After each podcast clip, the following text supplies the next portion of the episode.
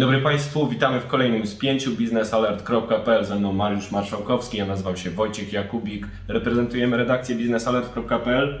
No i rozmawiamy o sprawach nieprzyjemnych niestety, czyli o kryzysie granicznym, kryzysie na granicy Rzeczpospolitej Polskiej i Białorusi. Mariusz, wprowadź naszych widzów w temat, który pewnie znają, ale więcej szczegółów, co tam się właściwie dzieje. Skąd się wzięli nagle Kurdowie, Syryjczycy, inne nacje bliskowschodnie na granicy polsko-białoruskiej? Czy tam naprawdę jest tak wspaniale, że chcieli tam spędzić jesień?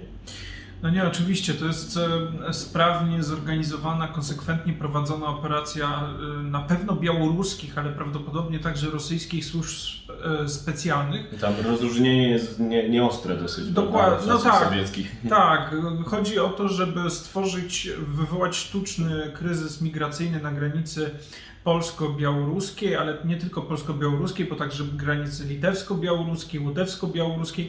O ile na początku ten kryzys na pewno miał charakter taki bardziej e, personalny, czyli personalnej wendetty Łukaszenki na, na tych państwach, szczególnie właśnie na Litwie i na Polsce, Za za wsparcie opozycji po mm, sierpniowych, zeszłorocznych e, wyborach, które zostały sfałszowane. I to był punkt zwrotny, bo też warto przypomnieć, pisaliśmy o tym biznes, ale ty pisałeś, ja pisałem, rozmawialiśmy z wieloma prestiżowymi e, czy też no, uznanymi ekspertami, którzy mówili o tym, że otwiera się jakieś okno możliwości na kontakt z Białorusią. Białoruś romansowała z ideą Dokładnie. importu ropy przez Polskę, były już pewne kontrakty początkowe na amerykańską ropę, były rozmowy o dostawach gazu przez Litwę czy przez Polskę, wszystko szło dobrze, aż nagle doszło właśnie do tej krwawej rozprawy i Polska, Unia Europejska zareagowały wszystkie razem z sankcjami. Dokładnie. I teraz zemsta. Sytuacja się obróciła o 180 stopni i już nie mówi nikt o współpracy z Łukaszenką, nikt nie A mówi nawet o tym. Łukaszenka straszy przerwą dostaw gazu. Dokładnie, no to, to jest kolejny element, który e, ostatnio się pojawił, czyli białoruskie,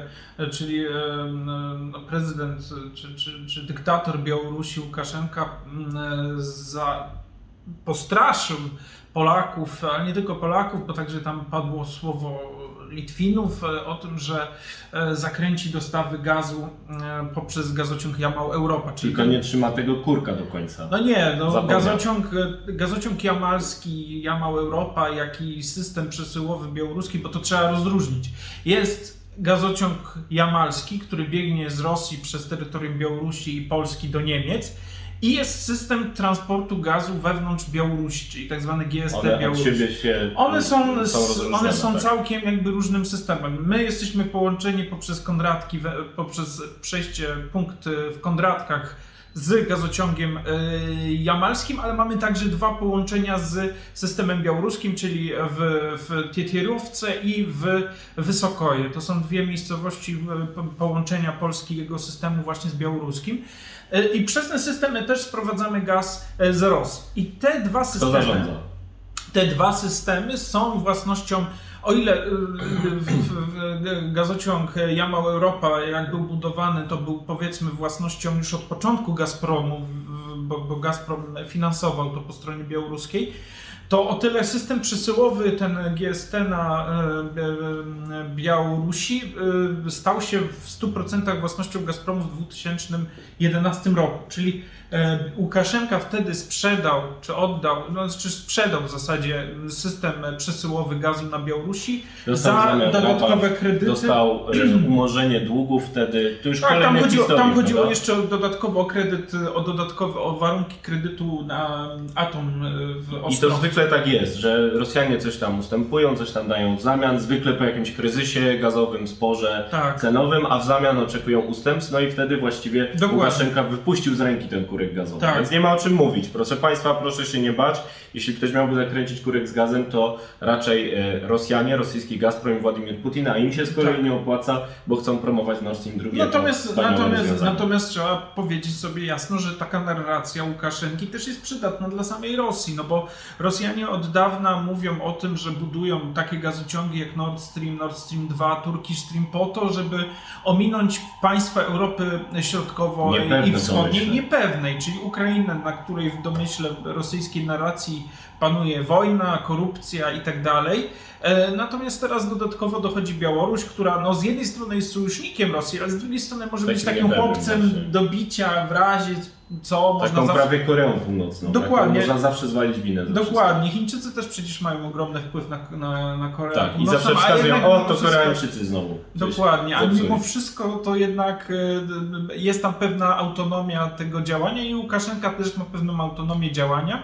No i myślę, że ta operacja migrant, ta, ta cała, co, co widzimy teraz, czyli ten kryzys graniczny, był na pewno inscenizowany mm, przez Łukaszenkę. Potem prawdopodobnie do tej e, akcji włączyła się Rosja, która widząc jaki potencjał ma ten, ten kryzys, czyli możliwość po pierwsze sprawdzenia reakcji struktur zachodnich, głównie NATO na ten kryzys, No drugi właśnie, bo artykuł czwarty to jest na, najpierw konsultacje w sprawie tego, Konsul- co się dzieje. To już się chyba dzieje. Konsultacje. prawda? Natomiast mnie ciekawi, no bo artykuł 5, czyli ten e, wzywający sojuszników na pomoc, który zastosowali e, Amerykanie po atakach e, z 11 września, no powiedzmy sobie szczerze, to co widzimy teraz na granicy polsko-białoruskiej jest atakiem. Jest atakiem może nie zbrojnym na razie, ale Ale jest nie wiadomo atakiem... czyim, nie? bo to pod fałszywą flagą się odbywa. No tak, tylko że widzimy białoruskich funkcjonariuszy, białoruskich e, żołnierzy, którzy e, e, są gdzieś tam w okolicy tych migrantów, którzy dostarczają, tak, dostarczają im zaopatrzenie, pchają ich, wypychają i tak dalej. Pojawiają się nagrania przechodzących nawet funkcjonariuszy białoruskich służb na stronę polską.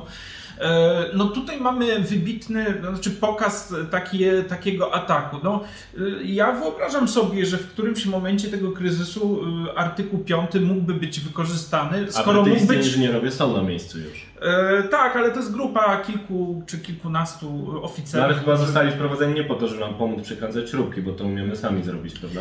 No, t- no, t- p- po, co, po co zostali wprowadzeni? No teoretycznie mają, e, to są saperzy, czyli z, z oddziału inżynieryjnego, który ma gdzieś tam pomóc. Może, może jest jakaś potrzeba pomocy ze strony inżynierów gdzieś tam z, z, z Wielkiej Brytanii, którzy może mają jakieś doświadczenie w budowie takich instalacji, chociaż nie przypominam sobie, żeby Brytyjczycy musieli budować mury naokoło swojego Z państwa. Irlandczykami jakoś się tam porozumieli po, po trudnych początkach. Aczkolwiek trzeba rzeczywiście pamiętać, że Brytyjczycy mają doświadczenie w takich konfliktach granicznych właśnie na, w rejonie Belfastu, Irlandii Północnej. I No, Rosjanie w tamtym konflikcie też mają doświadczenia akurat tak, na też, wyspach. Tak, Bo tak. też tam z Ira troszeczkę mieli. Wspierali, tak. Tak. Więc rzeczywiście ten konflikt jest e, trudny. E, Ma e, wymiar już teraz międzynarodowy, bo nie tylko trzeba pamiętać, że nie, nie tyczy tylko Polski i Litwy, ale też dotyczy e, Niemiec, dotyczy innych państw, które niebawem może dotyczyć Ukrainy.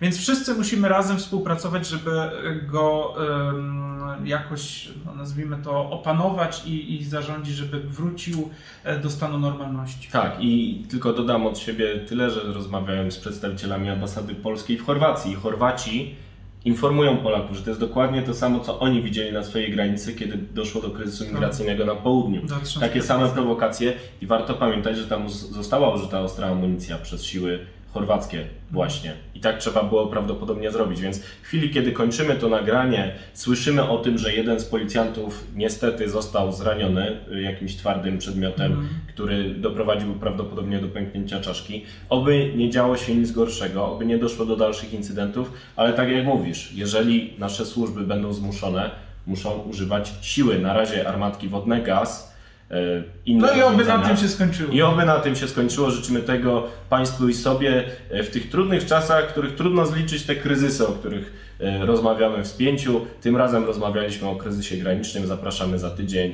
i pozdrawiamy. Dziękujemy.